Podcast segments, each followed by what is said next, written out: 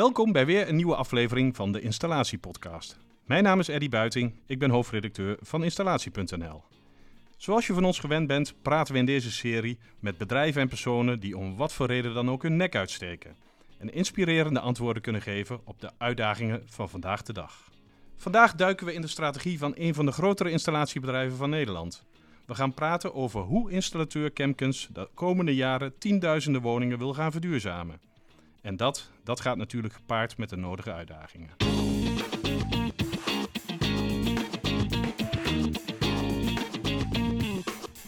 Veel te bespreken met uh, Twan van Grinsven, hier bij ons aangeschoven. Twan, welkom. Ehm, kun je om te beginnen even schetsen wat jouw rol is binnen Kemkes? Nou, ik ben uh, operationeel uh, directeur van de Kemkes Groep en ja, volop bezig met de energietransitie. Heel dicht bij de business dus. Ja. Energieke doener lees ik in je LinkedIn profiel. Ja, ja, ja, ik ben een doener, dus ik blijf er wel doen. Ik ga daar geen academische studie van maken. En ik denk dat ik uh, mijn basis in de installatietechniek, liefde voor mijn vak, uh, ontdekt heb bij mijn ouders. Die hadden een klein installatiebedrijfje. En vervolgens mocht ik daar van alles meedoen. En daar heb ik eigenlijk de basis gelegd waar ik nu sta. Ja, alleen dan binnen een grotere organisatie. Ja, dus, dus je hebt zeg maar alle fases zeg maar, van, bij wijze van spreken, van hulpmonteur tot nu... Doorlopen. Ja. Maar ik ben nooit niet zo'n goede monteur geweest. Als ik denk, nee? Ik, nee, zou ik al mijn vader... Nee, helaas. Dus je zou nu nog wel even naar jullie eigen academy kunnen wat dat ja, betreft. Ja, ik zou er weer terug moeten, ja precies. Helemaal goed, hè? iedereen kent jullie natuurlijk. Uh, even voor het beeld, uh, hoe groot is Kemkes nu? Ja, ik denk dat wij ongeveer 900 medewerkers hebben. We werken vooral in Zuid-Nederland. Bedienen ongeveer 500.000 uh, klanten. Wij werken veel in de woningcorporatiesector. Ja. ik denk ongeveer 80% van onze omzet wordt uit de corporatiesector gehaald. En 20% in de particuliere eigen woonhuisbezitters in hetzelfde werkgebied. Ja, wij doen behoorlijk wat ketelvervangingen en daarmee automatisch ook wat hybrides. Maar daar gaan we denk ik dadelijk wel eens even verder mhm. op vertellen. En uh, ja, wij zijn eigenlijk best wel regionaal verdeeld. We zijn onderdeel van Essent, samenwerking met de Essent, met de servicepartners. En we hebben een eigen opleidingsinstituut, of een eigen kenniscentrum, zoals we noemen. Ja, hoeveel mensen leiden jullie daarop? Ik denk honderdtallen per jaar. Alleen er zijn allemaal verschillende. Sommige is het bijscholen, sommige is het echt opleiden van niks naar iets. Het COZ-vakmanschap gaat daar gebeuren. Dus het zijn echt wel heel veel verschillende jongens en meisjes die daardoor die opleidingen lopen. Hey, voor we gaan beginnen heb ik een paar hele snelle vragen die je snel en wat mij betreft zo kort mogelijk door de bocht moet beantwoorden. Let op, komen ze. Wanneer installeert Kemkens meer warmtepompen dan cv-ketels? Ik denk rondom 2038. Oh, dat duurt nog even. Zouden jullie installatiebedrijven kopen omwille van de monteurs? Ja en nee. Dus ja, we willen graag nog meer uh, mensen aan ons binden. Maar we willen ook wel uh, goede bedrijven uh, bij ons hebben. Oké. Hybride warmtepomp, tussenstap of eindstation? Allebei. Uh, wat hangt er bij jou thuis? En mijn staat er een uh, bodemenergiesysteem met een bodemenergie warmtepomp. Kijk, nieuwbouw dus. Nieuwbouw, ja. Kijk. Grootste zorgen in de energietransitie? Uh, twee, netcongestie, dus problemen op het net. En de tweede is voldoende arbeidskracht. We willen de luisteraars uh, vooral meenemen in de keuzes die er tegenwoordig voor een installateur uh, op het pad liggen. Nou, de opdracht is helder. We moeten fors CO2 en, uh, en ook aardgas gaan besparen. En we hebben natuurlijk ook te maken met de stijgende energierekening van iedereen die die verwarming komende maand weer, weer aanzet. Ja, dat betekent dat er van installatiebedrijven gevraagd wordt om keuzes te maken. Wat hebben jullie ook gedaan? Ja, we hebben de keuze gemaakt om, om heel duidelijk voor te steren op bepaalde producten uh, productenrange. En er zijn in dit geval de hybride warmtepomp, omdat ook onze organisatie tijd nodig heeft om die verandering door te maken. En wat we zelf vonden is dat eigenlijk het palet van keuzes voor onze klanten, met name de woningcoöperatie, veel te breed was en veel te veel was. Nou, zodoende hebben we het eigenlijk simpel gemaakt, hebben we eigenlijk focus gebracht op uh, dit is het product waar wij de komende jaren flink willen plaatsen, maar ook door willen ontwikkelen. Aan de andere kant hebben we de keuze gemaakt om alleen voor bestaande opdrachtgevers te willen werken en niet vooral te gaan zoeken naar nieuwe. Mm en, um, maar we blijven ook wel kijken naar de all-electric warmtepomp en, de, en de, rondom de stadsverwarming, en we noemen het even micro-stadsverwarming. Dat we daar ook in de komende jaren een doorontwikkeling in maken. Ja, eigenlijk zeggen we, uh, we hebben zo'n grote opgave te doen en wij gunnen onze organisatie ook de tijd om te veranderen. Maar we willen ook het palet van keuze voor onze klanten wat kleiner maken, zodat die ook sneller ja, überhaupt iets gaan doen. Ja, je wilt een duidelijke menukaart hebben voor je klanten. Ja, jullie hebben er ook werk van gemaakt, want uh, ja, voor onze neus ligt echt gewoon een, een bidboek. Nou, dat heb ik nog niet veel installateurs zien maken. Waarom?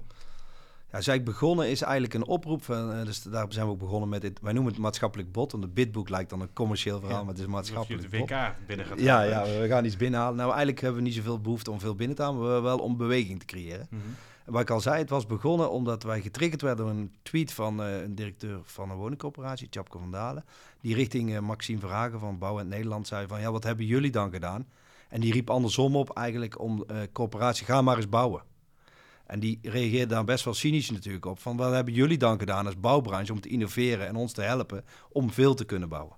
En dan denk aan wat u nu ziet prefabriceren. Mm En dat is eigenlijk de trigger geweest. Zeggen, ja, wij moeten dus wel iets doen. En dan hebben we gedacht van ja, daar kunnen we door allemaal die keuzepalet heel breed te houden, uh, gaan we eigenlijk niemand helpen. Uh, we helpen onze eigen organisatie niet. Wij helpen mensen die uh, last hebben van energiearmoede niet. Dus wij denken voor een aantal procent van de woningen met een hybride warmtepomp in de kortste tijd de grootste impact te kunnen maken. Ja, want jullie, jullie hebben nu je ketelopstand 20.000, zei je net. Hè? Ongeveer 20.000. Je kiest uh, volop voor de hybride. Eh, kun je dat eens kwantificeren naar aantallen in de komende jaren? Ja, we hebben dat stapgewijs denk ik doorgerekend. Dus wij hebben nog niet... Ge we hadden toen de tijd, toen we dit bidboek aan het voorbereiden was... de wetgeving 2026 was nog een proefballonnetje. Ja. Inmiddels is dat dan een beetje ingehaald. Uh, hebben wij van onszelf gedacht, als we nu kijken naar dat bestand en wat we zouden kunnen opleiden en, en wat we kunnen uh, plaatsen, dan zien we een trapgewijze opbouw van 4000, 6000 naar 10.000. Mm -hmm. Dat betekent dat we in 2026 in staat zijn 10.000 warmtepompen naast de cv-ketels te hangen. Ja, dat betekent nogal wel wat in de, in de impact. Dus we hebben in totaal, dus de helft van ons ketelvervangingsbestand, zijn we in staat de warmtepomp bij te hangen. Nou, er mhm. zit dezelfde filosofie achter dat wij ook vinden dat niet iedere woning geschikt is voor een hybride warmtepomp, maar wel ongeveer de helft tot 60 procent. Mhm. En zo, zit, zo is die rekenkundige kant eigenlijk ontstaan. En waar zit dat onderscheid een beetje? Ja, we hebben natuurlijk appartementencomplexen, we hebben monumentale panden, we hebben woningen die op stadsverwarming aangesloten zijn. Er zijn woningen die te weinig energieverbruik hebben, dus te laag gasverbruik. En we hebben inmiddels natuurlijk toch al wat aantallen gemaakt, waar we dus deze leerervaring al hebben. Want hoeveel aantallen hebben jullie gemaakt? Ongeveer 3000 nu op jaarbasis. En het jaar daarvoor ongeveer 1000, 1200. En nu zitten we bijna op die 4000 afgelopen jaar. Dus het jaar is natuurlijk nog niet voorbij. Mhm. En we merken dat de markt aan het bewegen is en shift is. En uh, wij aantallen steeds meer en makkelijker gaan maken. Maar we zien ook wel dat het hele traject uh, best wel ja, ingewikkeld was. Dus we hebben het ook gestandardiseerd nu. Uh, met bepaalde merken die we alleen aan het doen zijn. Dat we elke keer maar hetzelfde blijven doen. Ja. En, en wat is het grote onderscheid tussen de, de, de woningcorporatiemarkt en de particuliere markt? Want jullie zitten in beide. Het grote onderscheid is dat de woningcorporatiemarkt veel planmatiger werkt en veel gestructureerder eigenlijk met budgetten en zo werkt. Dus, als die eenmaal dat hebben gebudgeteerd en het is besloten, dan is het uh, ja, niet alleen een kwestie van execute, maar dan moet er wel nog een hoop gebeuren, hè, huurders overtuigd worden. En, en een, een, eigen woonhuisbezitter is sowieso veel meer een terugverdientijdberekenaar. Ja. En die is veel uh, wispelturiger door berichten uit de media. Ja. Dus een corporatie is eigenlijk veel meer uh, gestand. Uh, Overigens heeft natuurlijk het woningcoöperatiebestand zit wel eerder wat aan die kritische grens qua woningoppervlak. Zie je generiek gezien, hè, moet een beetje niemand niks tekort doen. Is dat die wat kleinere woningen in de regel hebben. Dus die zit ook wel lager qua energieverbruik. Mm -hmm. Ja, daar, daar zitten denk ik wel de grootste verschillen in. Ja. En de, het bidboek laat zien van, weet je, uh, wij nemen het voortouw, hè, wij bepalen een keuze. Is dit ook iets wat de markt van jullie vraagt? Ja en nee. Eigenlijk zou je zeggen, volgens mij schreeuwt de markt nu als coöperatie vanuit de coöperatie, geef nou eens duidelijkheid en geef nou eens gestandardiseerde oplossingen. Maar het is nog een beetje vraag en aanbod op elkaar afstemmen. Ja. Uh, want ze vragen ook all-electric oplossingen, ze vragen ook warmtepompen of uh, hoe heet het, warmtenet oplossingen. Ja, wij zeggen wij kunnen niet alles aanbieden. Hier zijn we nu goed in. Hier gaan we aantallen. Hier hebben we dus en kennis en kunde en capaciteit op staan. En dit is ook wat ik kan doen. Daar zit dus een, ook een dubbele oproep in dit is ook maximaal wat ik kan doen. Ja, maar dat betekent ook dat er een corporatie kan zijn die zeggen van... hé, hey, dit is niet ons spoor. Ja, en dat, dat vind ik eigenlijk ook net zo mooi. Eerlijk gezegd vind ik het allebei mooi. Dus als de corporatie zegt, nou vind ik echt gaaf, jullie hebben mij geholpen, want nou kan ik die stap tenminste zetten. Maar als de corporatie zegt, nou ik kan daar niet, want ik heb te veel mijn wijkuitvoeringsplan nog niet bekend. Ik, ja. Dan is dat niet meteen fout.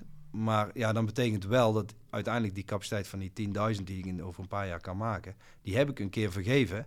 En dan is wel even weer puzzelen, hoe gaan we daar dan weer mee om? Ja. Interessant in dit verhaal, in die hybridisering, is ook uh, het feit dat jullie uh, eigenlijk met je directe concurrenten uh, een samenwerking bent aangegaan, hè? de TDI 500. TNO als penvoerder erbij, Techniek Nederland erbij. kun je eens uitleggen wat dit betekent voor de markt. Nou, ik, ik vergelijk het een beetje, en ik heb vroeger gewielrend, dus ik pak even wielrentermen erbij. Kijk, ik denk dat je een soort team koplopers hebt uh, die zeg maar demareren uit het grote peloton van alle installateurs in Nederland. Die zeggen het moet anders, het moet slimmer, het moet beter. Uh, daar is een subsidie voor aangevraagd, een mooie subsidie. Die samen met TNO eigenlijk met name installatieproces uh, vereenvoudigt en verkort. Daarmee uiteindelijk de kosten dan natuurlijk verlaagt. Ook bijvoorbeeld het intake en het werkvoorbereidingsproces. Uh, maar ook gezamenlijk als collectiviteit de wensen en de vragen die wij fabrikanten hebben, door daar echt stappen in te maken. Denk aan bijvoorbeeld beheer op afstand of remote access management, zoals het in het Engels heet. En dat kun je volgens mij individueel ook, mm -hmm. maar samen ga je veel sneller. Ja, omdat je het, kunt meer impact maken. Je kunt meer impact maken. Nou, en dat is wat we doen. En uh, nou, de samenstelling daarvan ben ik niet bij betrokken geweest. Nee. Uiteindelijk zei je in no time hebben we een subsidie uh, voor. Daar hebben we ook nog nooit zoiets voor elkaar gekregen. Ik loop ook al wel langer in de installatie. Dit ja. had ik voor tien jaar geleden als on, onvermogelijk geacht. Ja.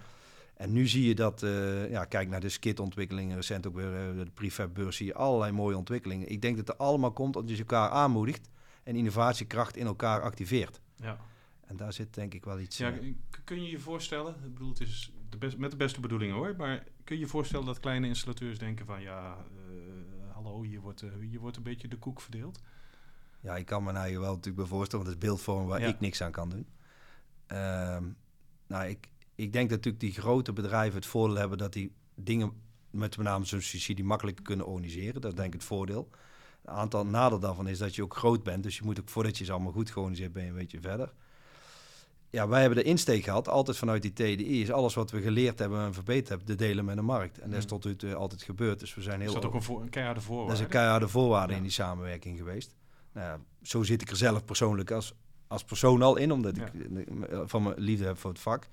Maar ik denk dat het de insteek helemaal van de TDI ook wel geweest is om, om de hele markt verder te brengen. En niet alleen die tien koplopers. Dus als een kleine installateur wil weten hoe dat nu in elkaar zit met dat skitje, kom, kom maar langs. Kom en kom maar langs en leggen we het uit. Ja, helemaal goed. Hey, aan wat voor innovaties moeten we denken in dit verhaal? Nou, ik noemde tipte net al één aan. En met name het verkorten van de installatietijd is echt wel een van de grootste uh, uh, doelen die we hebben. En, en dat zit hem in dus uh, aan de fabrikant te vragen om ding, dingen anders en slimmer aan te leveren.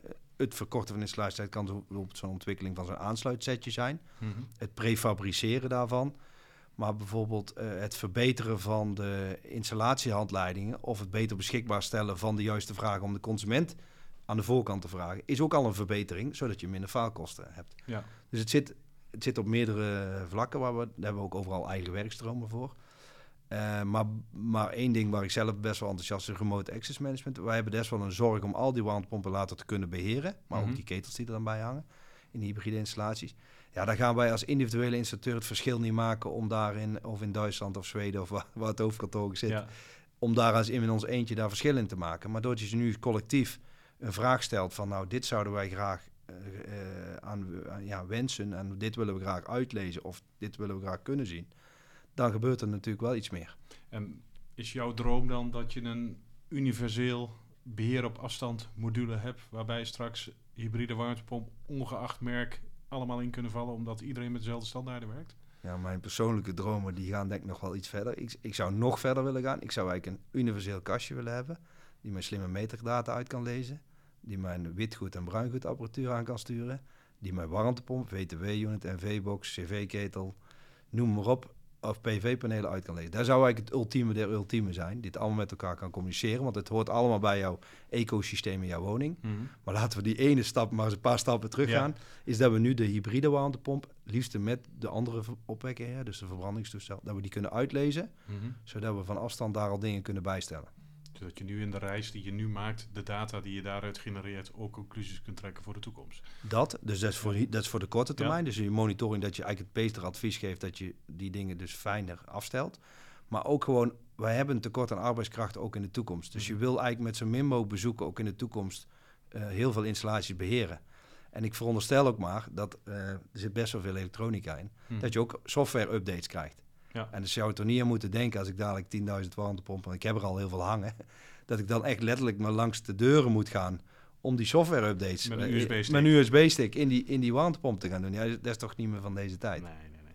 nee. Hey, die, die, die, die installatietijd, je tipt het al even aan, hè? dat is iets wat, wat, uh, ja, wat, wat echt onder druk staat. Hè? De markt die, eh, die staat al onder druk qua capaciteit. Kun je ze heel concreet maken, die hybride, eh, eh, hoe je dat nu voor je ziet qua installatietijd? Ja, misschien, misschien even dat waar we vandaan komen. Dat we ruim twee dagen met, met, de, met de ketel erbij aan het werk waren met meerdere monteurs. Mhm. En ik denk dat we nu bijna al zitten dat we op ruim een dag eh, alles kunnen installeren. Met twee monteurs. Met twee monteurs. Ehm, en da- dat heeft met die standaardisatieslag Dus dan ga je 32 naar 16 zeker? 32 naar 16. Ehm, maar waar ook heel veel al in zit, is bijvoorbeeld het in één keer goed instellen. Eh, een hybride warmtepomp heeft enorm veel setpoints die je goed kunt instellen. Nou, als je dat soort vragen aan de voorkant stelt en je geeft de monteur in één keer de juiste setpoints mee. eh F-gassen handelingen, eh, dus koude middelenhandelingen die je in één keer doet of al prefabriceert. Wat denk je van plaatsen van warmtepompen bij de buitenunits die we bijvoorbeeld seriematig al neer kunnen zetten. Dat zijn allemaal voorbeelden waar dat noemen ze dan jobcarving, hè? dus Mhm. dat je het in, in mootjes hakt. Daar ga je al heel veel tijd mee winnen. Maar we moeten eigenlijk terug dat we terug kunnen naar twee hybride warmtepompen per dag plaatsen. Dus dat betekent nog een halvering op basis In van tijd. wat je nu hebt. Ja, dat Ja. is het ultieme doel. Dus je moet echt van de grote aantallen. eh, en dus we moeten, we moeten ons eigenlijk echt blijven dwingen om nog weer verbeteringen aan te brengen. En daar hebben we onszelf bij nodig. Mhm. Dus slim, slimmer blijven nadenken. We hebben ook een beetje onze klanten nodig, dat die moeten accepteren dat de standaard de standaard is. Ja, We hebben de, de branche nodig, eh, de, met name de ketel- en de warmtepompfabrikanten, die dingen voor ons slimmer of sneller. En misschien hebben we wel de prefab-wereld nodig die ons daar ook mee kan helpen. En langzaamaan persen we die tot een hele compacte eh, installatietijd. Wa- Wat zijn nu de grootste urenverreters eh, bij zo'n installatie?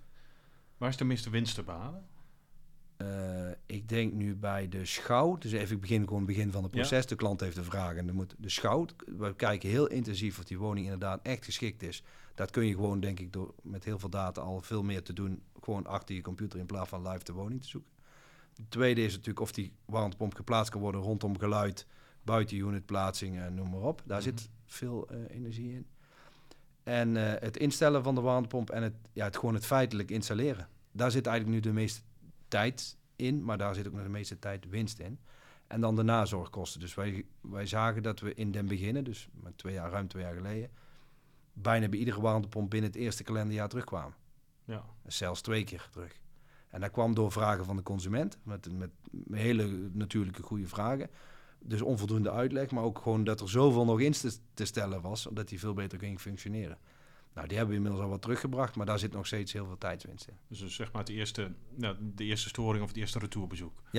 En die zit in tweeledigheid. Er zitten dus, eh, daar hebben we die skit dus weer ontwikkeld. Zit in de installatiekant. Mhm. Ik noemde al het o- afgiftesysteem en distributiesysteem. Ja. Dat is een belangrijk onderdeel. En in de opwekker zelf. Dus daar zitten dus die, die setpoints.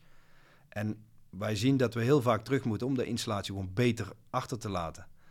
En je moet ook, en wij, zijn, wij hebben nu in de zomermaanden best veel gehangen. In de zomermaanden kunnen we eigenlijk niet zo heel goed testen. Nee. Want ja, daar hebben we niet veel warmtebehoefte Je in hebt die niet de woning. proef de pudding gehad. Eh, proef de vulling en de buitentemperatuur zijn hoger. Ja. Maar ja, wanneer gaat die een keer door die ontdooicyclus heen? Wat gebeurt er dan? En nou, dat soort dingen, die, daar hebben we nu steeds meer ervaring in. En die willen wij eigenlijk in een testprotocol slimmer hebben.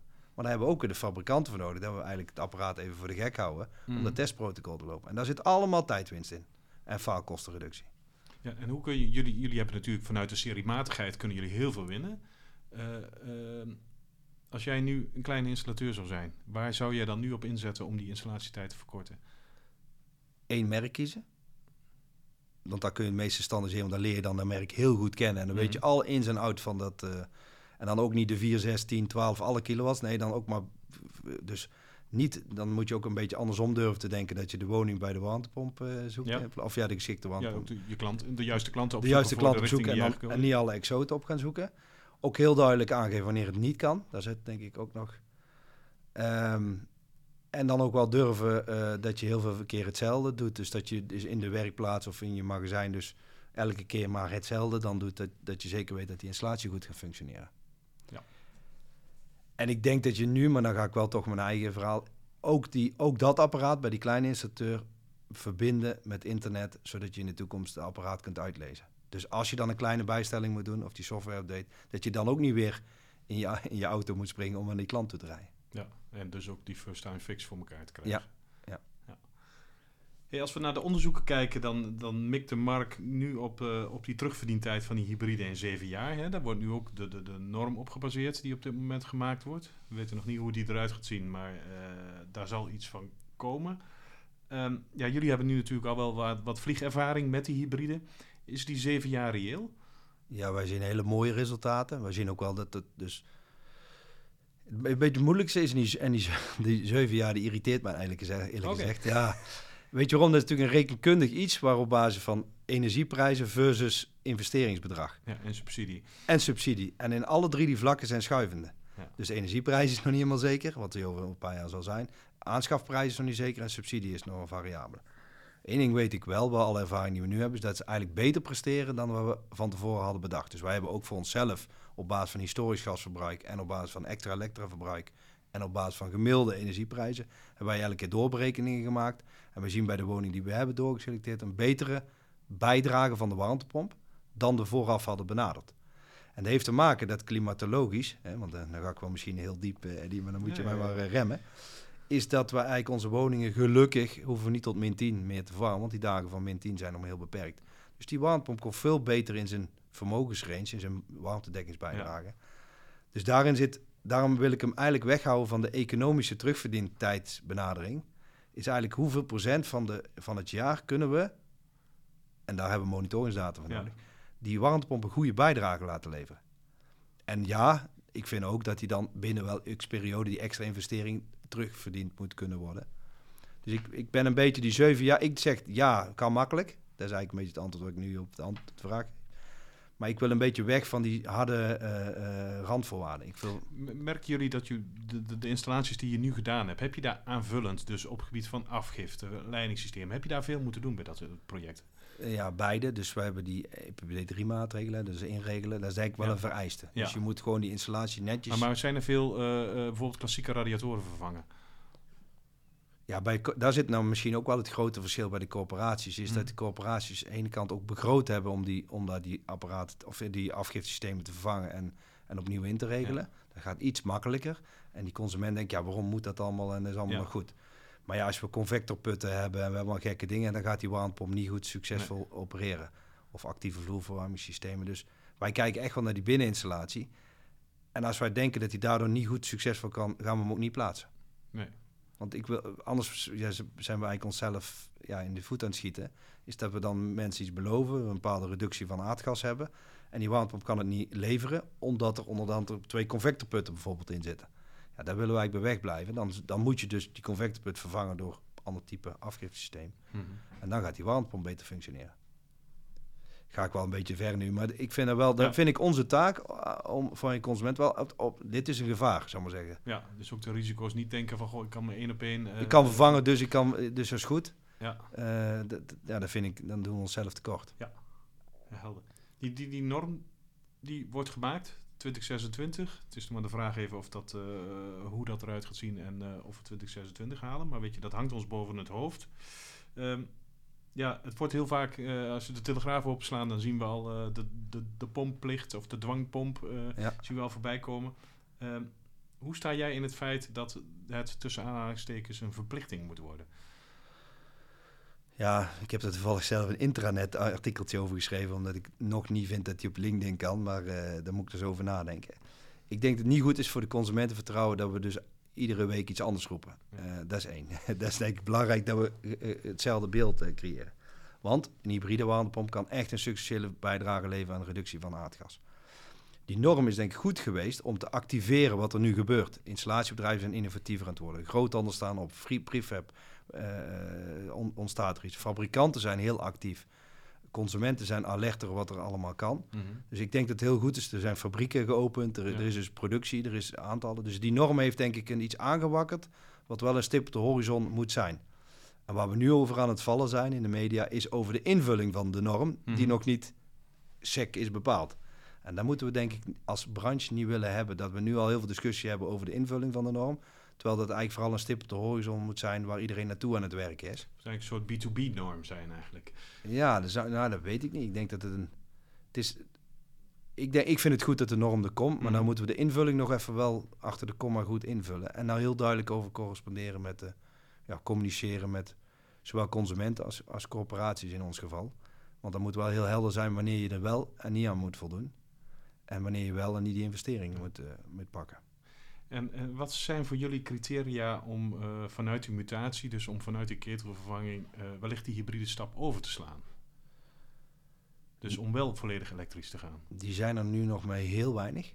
Heeft dat met je woningbestand te maken? Dat heeft met het type en de isolatiewaarde van het woningbestand te maken. Dus eigenlijk kijken we naar het, het, re het relatieve aardgasverbruik in het verleden. Mm -hmm. uh, en we hebben er overigens geen gestandardiseerde oplossing ook niet voor. Hè? Dus dat is misschien daar een reden toe. De tweede reden dat we daar niet als eerste aan zullen denken. Uh, dus typologie van de, uh, van de woning zijn gewoon nog niet geschikt. Mm -hmm. We zijn op volop aan het isoleren en het ventileren. Dus voordat we daar eens zijn, zijn we weer 2030, denken wij zelf. Ja. Um, ruimte en investering. Dus dan is het probleem nog ruimtegebrek. Dat er ja. gewoon die hele installatie kan niet staan. En de investeringsbedragen zijn gewoon veel te hoog. Daar gaat de woningcorporatie nu nog niet aan. Ja, ja, nee. Er zijn erbij die doen in een pilot voor een doen we een aantal woningen. En we hebben daar best wel mooie ervaringen. Dus het is dus niet dat we er nul doen. Mm -hmm. Maar dus dat, dat, daar gaat niet het verschil nu in ontstaan. Dus het is niet het eerste waar wij aan denken om te zeggen naar volledig gasloos maken. Uh, omdat daar de investering... Vaak komt de hobbel daarna. Het is de investeringskant die dan niet haalbaar is. En je noemde net al het hobbeltje netcongestie. En die heb ik nog niet eens meegenomen in de, ja, de hobbeltje, hobbel. dat is het volgende probleem. Ja. En als je na, daar eens ook een beetje in de volgorde, zoals wij naar die corporatiebestand kijkt, pak nou eens eerst even die hoogbouw, die galerijflats, die moet je ook aanpakken. Dat is, maar die zit wat verder, zit ook niet in die wetgeving 2026. Je hebt best wel eensgezinswoning die je in de loop der tijd al geïsoleerd hebt. Ga daar nou eens even op focussen. Hoeveel procent daarvan de ketelvang aanstaande is in de komende twee, drie jaar? En pak een beetje, een beetje en ga laat ons dan eens even met onze rekenmodus kijken waar dan de hybride warmtepomp behaalbaar is. En dan zijn we impact aan het maken. Dan ben je echt iets aan het doen. Die woningen zijn al goed geïsoleerd, beter geïsoleerd, of goed geïsoleerd. En die maken dan in één keer een warmteopwekkingsrendementsprong, mm -hmm. waar we door netto minder fossiele brandstoffen nodig hebben. Dan zijn we al flinke stappen aan het maken. En dan over die woning, over 15 jaar, komt die weer over een heroverwegingsoverment. Misschien, misschien wel langer, ik hoop dat de warmtepomp langer meegaan. En dan kun je daar misschien de all-electric stap maken. Ja. Of iets anders. Ja, toch zie je dat, dat critici heel gauw die hybride toch wel als een onnodige tussenstap zien. Ja, maar dan, dan ga ik dan even net congestie erbij halen ja. als, als lastig alternatief. Plus de investeringskant voor uh, all-electric is gewoon heel erg hoog. Dan hebben we natuurlijk een tussenvorm, zo'n hoge temperatuur warmtepomp die all-electric is. Ja, dan als je niet de woning isoleert en je moet met hoge temperatuur die woning nog blijven verwarmen. Ja, dan, dat, dat is denk ik, dat is bijvoorbeeld de verkeerde tussenstap die je nu ja, daar, daar is eigenlijk de hybride te goed voor. En de mm. all-electric net de grote stap voor. Ja, ja. jullie businessmodel is onderhoud. Um, wat verwacht je dat die hybride installatie qua onderhoud meer gaat kosten, qua geld en inspanning, uh, ten opzichte van die solo CV-ketel? Ja, ik hoop uiteindelijk uh, uh, minder, omdat we vooral van afstand willen beheren, zodat we niet langs hoeven te gaan. Ehm, ja, daar zijn de fabrikanten van warmtepompen best wel ondoorzichtig over. En dat heeft ook te maken dat er weinig ervaring natuurlijk mm. is. Kijk, bij lucht, bij ventilatiewarmtepomптechniek zit een filtertje in en daar moet je wat aan doen. Mm. En, en, dus dat heeft best wel relatief hoge onderhoudskosten.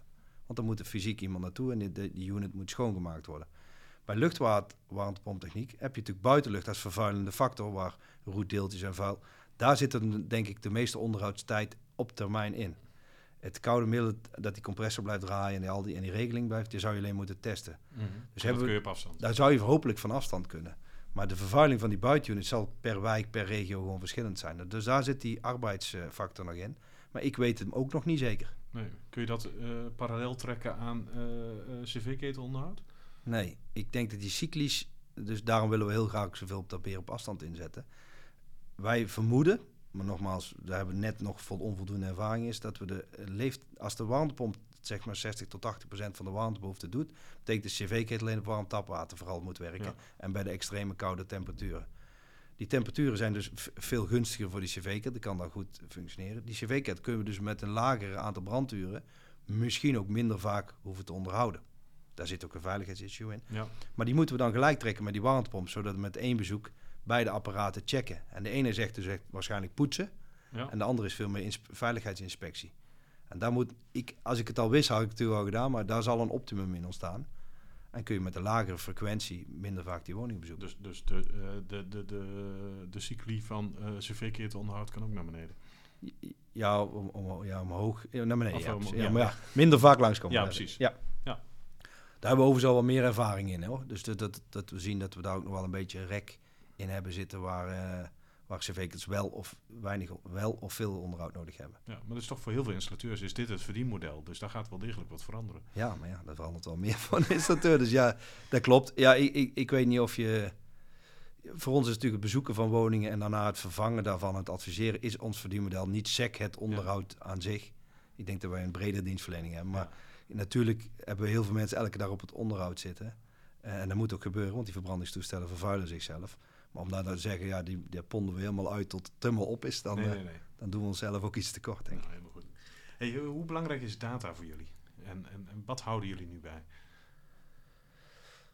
ja, ik kan, ik kan niet zeggen dat wij een databedrijf zijn, maar uh, als je ziet wat, wat wij elke dag aan, uh, aan bezoeken bij klanten hebben, hoeveel klantdata dat we hebben, we kunnen natuurlijk ontsluiten wat, wat in het gemeentelijk register zit. We weten op regiogebieden waarvoor energieverbruik er is. Dus wij zijn eigenlijk steeds meer data aan het inzetten om een, ja, niet een succesvol dienmodel te maken, maar klantinformatie aan elkaar te verbinden om het juiste advies te geven. Mm -hmm. Met name die hybride warmtepomp ja, dat gaat volgens mij alleen maar verder. Uh, ik, ik zit gewoon ook te, wij hebben, dat hebben we nog niet helemaal volbracht. Maar op het moment dat wij een aanpassing doen, dus let op de vervanging, moet je eigenlijk je label updaten. Mm -hmm. Dat gebeurt nu allemaal in aparte kokers. Ja, waarom zouden we dat allemaal los van elkaar doen? Ik, en daarmee zeg ik niet dat ik het label moet afmelden, maar wij zouden in één database de mutatie van de HR107 naar hybride met HR107. En iemand anders daar op de knop verwerken. Ja. Maar ook uh, het aanschrijven van klanten om, om een huisbezoek te doen hebben wij data nodig van wie daar woont bij een corporatie, want dat muteert, hè? Dus mensen mhm. verhuizen uiteraard. Ja, daar zitten wij nu heel ouderwets, zijn we nog brieven aan het sturen. Ja. ja, daar zit ook nog, dus er zit in dataveld zit nog gigantisch veel te winnen voor ons. En op technisch vlak? Ja, er zit met name die, wij willen die machineinformatie natuurlijk hebben. Wat, wat, welke data spuugt dan zo'n uh, warmtepomp of een uh, cv-ketel of een WTW-unit uit? En daar willen we natuurlijk voorspellend eigenlijk mee werken en de monteur met de juiste spullen op pad sturen. Ja. Als we dan moeten bezoeken. Hey, jullie installeren meerdere merken. Uh, je zei net van, ja, weet je, als installateur echt goed je werk wil doen, dan moet je keuzes maken, ook daarin. Op wat voor keuzes baseren jullie, uh, tenminste, op wat voor argumenten baseren jullie je keuzes voor merken? En die discussie heb ik wel vaak keer, want eh, wij kunnen niet alles op technisch vlak beoordelen. Ik, kan, ik, ik ben geen Kiwa, ik ben geen TNO, ik kan, ik kan, ik kan niet een warmtepomp in een testbank zetten. Dus waar we een beetje aan het kijken zijn, is inderdaad, is hij in het marktsegment waar wij actief zijn betaalbaar? Mhm. Is de achterkant, met name rondom support uh, op zowel werkvoorbereiding als salesvlak, maar ook op nazorgvlak goed georganiseerd? Dat vinden we heel belangrijk, omdat wij onze origine ook in die nazorgfase heel erg hebben. Dat is voor ons een belangrijk criteria. En dat ontwikkelen op remote access management, dat vinden wij heel belangrijk. Beheer op afstand. Beheer op afstand. Ja. Want daar zit echt de toegevoegde waarde op termijn in. En dus dan zien we dat we daar ook bewust gekozen om naar een heel klein speelveld nu te gaan. Dus een beperkt aantal merken. Daarmee doen wij eigenlijk bij een aantal van de fabrikanten die mooie producten maken, misschien wel tekort. Mhm. Maar wij kunnen niet met iedereen dit soort ontwikkeltrajecten of intensieve samenwerkingen doen. Want daar hebben wij ook niet de juiste manschappen voor. En staan die merken dan, jullie doen behoorlijk wat aantallen, staan die merken dan echt aan de voordeur bij jullie te dringen? Nou, ik denk dat die regelmatig met allerlei pogingen, denk ik toch zeggen, hoe komen we daar dan weer tussen? hoe kom ik dan dat op dat lijstje van die leveranciers kom ik daar er weer tussen? Want omdat je toch die aantallen hebt.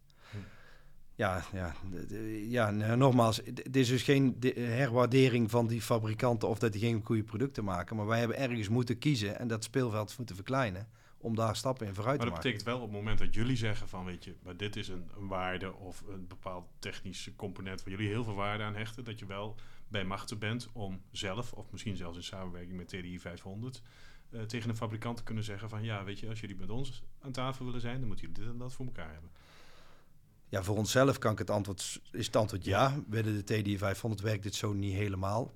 Uh, omdat je daar denk ik als, als samenwerking consortium niet zo dwingend mag optreden. Maar daar zit denk ik een kleine uh, kanttekening bij. Uh, maar daar speelt natuurlijk wel diezelfde wensen, zeg maar, ja. daar wel je in. Je kunt het ook heel lief vragen. Hè? Ja, je kunt het lief vragen, ja. De, Nee, maar het, ik denk dat, dat best wel veel fabrikanten nu ook die beweging wel zien maken. Is van wat vinden die installateurs nu belangrijk en hoe gaan we wel opschalen naar die aantallen. Daarmee hebben ze echt wel de behoefte om dicht op die, op die branche te gaan kruipen. Maar dat kunnen ze ook niet met iedereen. Want dat, maar, de, maar de vruchten daarvan, dus van al die ontwikkelingen, komt gewoon voor heel de markt beschikbaar. Hè? Dus mhm. hebben we dadelijk een install wizard bedacht met fabrikant X deze, dat is, naar de rand beschikbaar voor heel de markt. Mhm. En daarmee wordt die installatietijd verkort van bijvoorbeeld als die, normaal die install wizard een half uur duurt met de klant erbij. En we kunnen na 10 minuten omdat we hem kunnen pre- prevullen. Ja, dat is toch een gigantische tijdwinst voor heel Nederland. Ja. Nou, dat zijn eigenlijk van die voorbeelden die je zegt, daarom moet je intensief optrekken met bepaalde fabrikanten. En kun je jammer genoeg niet, maar alle fabrikanten dit soort dingen doen. Helder. Eh, ik wil even het hebben over, over de rijtjeswoningen. Eh, jullie zitten natuurlijk veel in die, in die coöperatiewoningen. Eh, de rijtjeswoningen, dat zijn de woningen die ja, zeg maar onder het gemiddelde gasverbruik zitten. We zagen ook in, in de onderzoeken die tot dusver gedaan hebben dat die, eh, eh, dat die rijtjeswoningen best lastig zijn om te hybridiseren, noem ik het maar even. Omdat eh, ze eigenlijk een lager besparingspotentieel hebben, omdat ze simpelweg minder gas eh, verbruikt. Eh, wat zijn jullie ervaringen hier nu in? Eh, en is het verstandig om dit soort woningen ook standaard te hybridiseren? Eh, ja, daar zit een, een twijfelende ja in.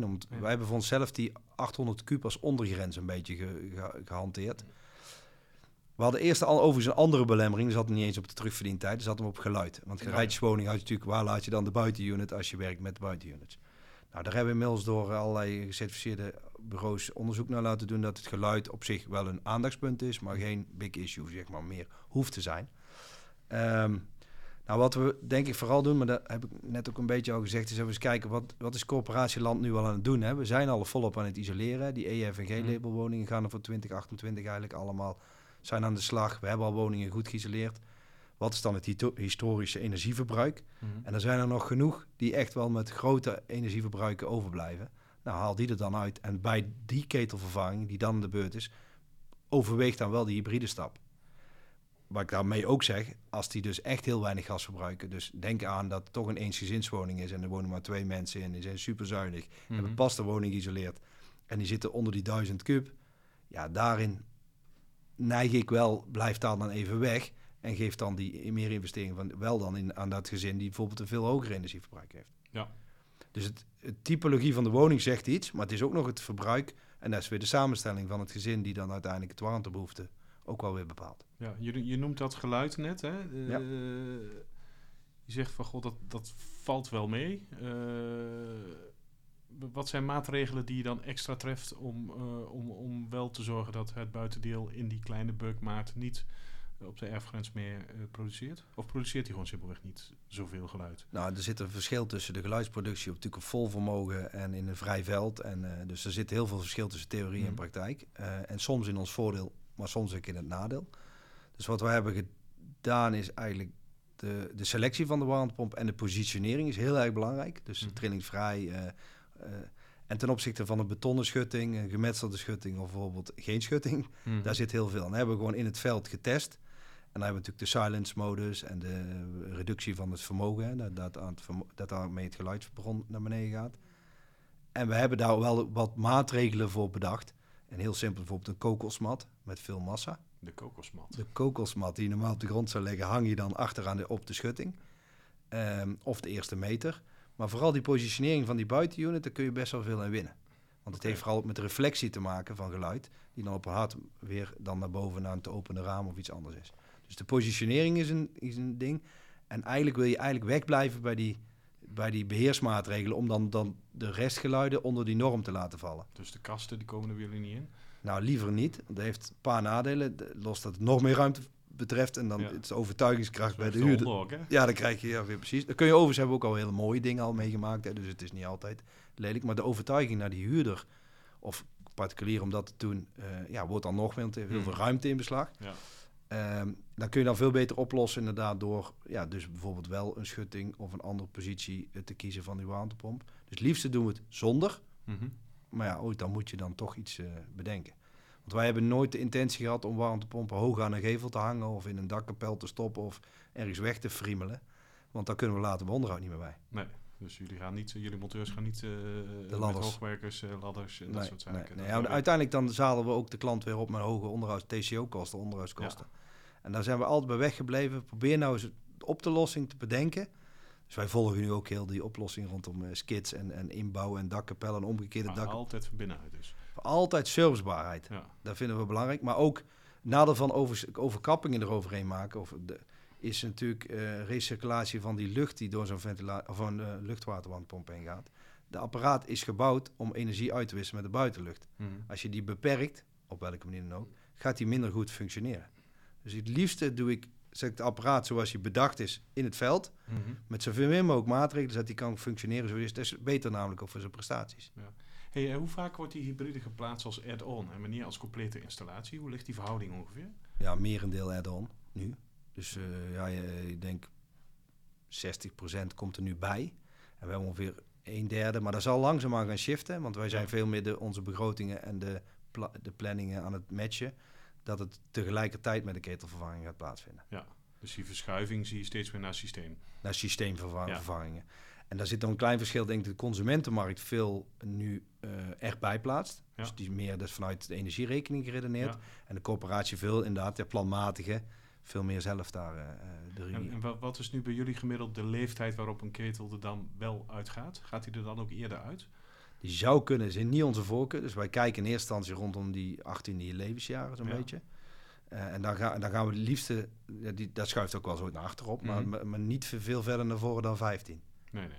Dus ergens daartussen wil je hem dan hebben. Dat ik zei, die drie jaar is wel in ons magisch. Hè? Dus het 18e jaar is het middelste van de drie, 19 en dan 17. M- m- Merken jullie dat, eh, dat er corporaties zijn die nu met, met de norm in het zicht nog maar eventjes gauw eh, snel gaan verketelen? Ja, en dat, dat, dat, dat is aan de ene kant, een, ja, het lijkt een soort logische reactie, een soort schrikreactie. Ja. Van nou ga ik dan maar vast eens even wat doen. Zit voor de komende 15 jaar. Maar dat is voor, de, voor de, ons voor de komende twee jaar, met name over die begroting. Dus moet je je voorstellen, waar wij, aan, waar wij, hebben, wij zijn aan het opschalen in warmte, hybride warmtepompen. Met name in die corporatie, een merendeel zit erin. En vervolgens krijgen we nu nog een opschaling in een aantal cv-ketels. Ja, En onze grootste belemmering is capaciteit. ja. Dus wij zijn eigenlijk niet zo heel blij met die opschaling. Maar ja, ik, ik, wij snappen de reactie. Eh, maar zo, hebben het, zo heeft natuurlijk niemand het ooit bedoeld eh, dat je dit zo nu gaat doen. En dat past ook niet in jullie bidboekje. Nee, nee. Maar het, je, je merkt, wij merken wel dat die gesprekken er wel zijn. En ik, nou, nogmaals, hoogbouwsituaties, een paar monumentale panden, eh, de, rond die 800 kub eh, verbruik, lijken allemaal, nogmaals, ben ook wel, ben ik nou ook aan het voorsorteren, over de norm heen te gaan, dat die toch niet in aanmerking komen. Maar er blijven er nog genoeg over, Ja. die wel in, eh, aan kunnen voldoen. Ik wil het even over een stukje opleiding hebben. Eh, ja, jullie kiezen expliciet voor een route. Dat betekent ook dat je daar een hoop eh, eh, kennis over in huis moet halen, moet delen met, met je mensen, met je monteurs. Ehm, eh, kun je schetsen wat dat betekent voor jullie eigen organisatie? Ehm, nou, dat geeft aan de ene kant ook wel heel veel duidelijkheid. Dus ik, dus lijkt dan van, nou, dat is mooi, eh zo'n soort bot wat je dan mee doet. Maar omdat je nu kiest, kun je ook heel duidelijk doelgericht mensen opleiden. Dus je Mhm. kunt nu mensen pers- perspectief bieden. Wij gaan zoveel aantallen maken. Dat betekent dat we zoveel mensen nodig hebben die dat gaan doen. Kunnen we mensen opleiden met F-gassen. We kunnen service- en onderhoudsmonteurs opleiden. We kunnen aan de verkoopkant mensen eh, hebben die, die mee wizards bouwen en, en die opnames gaan doen. Dus we hebben best wel veel perspectief. Nou, dat doen we dan in onze academy. Eh, we hebben nu een verkorte opleiding voor hybride monteur. Zelf of deels zelf ontwikkeld of met een onderwijsinstituut. We hebben onze F-gassen eh, opleiding eh, categorie 2, wat voor heel veel gevallen voldoende is. Hebben we naar onszelf toegehaald.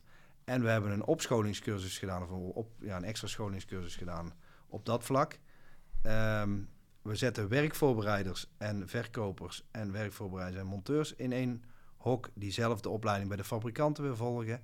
Daar halen we dan ook allemaal naar ons toe, zodat we veel meer grip hebben welke informatie onze medewerkers allemaal ter beschikking krijgen. Nou, dan gaan we aan borgen met kennisdatabanken. En al zo'n standaardisatie douwen we ook in, dat, in ditzelfde kenniscentrum in, die academy zoals jij dat dan noemt. Want daarin ga je dus versnellen. Nou, daarmee zijn we in staat van mensen die gewoon geïnteresseerd zijn in de warmtepomptechniek, überhaupt op te leiden richting die kant. Maar we doen dat ook weer heel stapgewijs. Dus het is niet zo dat we blind mensen op aan het leiden zijn. Want we willen die mensen naar de rand ook wel echt aantallen laten maken of service of onderhouden. Betekent dat dat je nu ook heel gericht aan het werven bent, bijvoorbeeld op zijinstroom, wat nu echt een speerpunt is in de branche? Doen jullie dat zelf ook? Ja, daar, daar hebben we er al heel, daar hebben best wel veel mensen die vanuit een, ja, vanuit een andere arbeidskant, zeg maar, Ja. onze organisatie inkomen. Ehm, en we hebben de laatste tijd, en ja, ik mag misschien van geluk spreken, zien we veel mensen die bewust in die energietransitie willen stappen. Dus daar zie je niet alleen de zijinstromers, maar ook gewoon de jeugd, die Ja. dus nu toch opnieuw die keuze maken. Ja, die kunnen we hele mooie perspectieven bieden. De basis zit toch nog op cv-techniek. Om te Ja. beginnen, want daar zie je toch wel dat we daar die. die, die- ja, ik heb ooit uitgelegd dat is een meerlagen cake-model. Je moet toch gewoon beginnen dat je snapt hoe een cv-installatie werkt. Ja.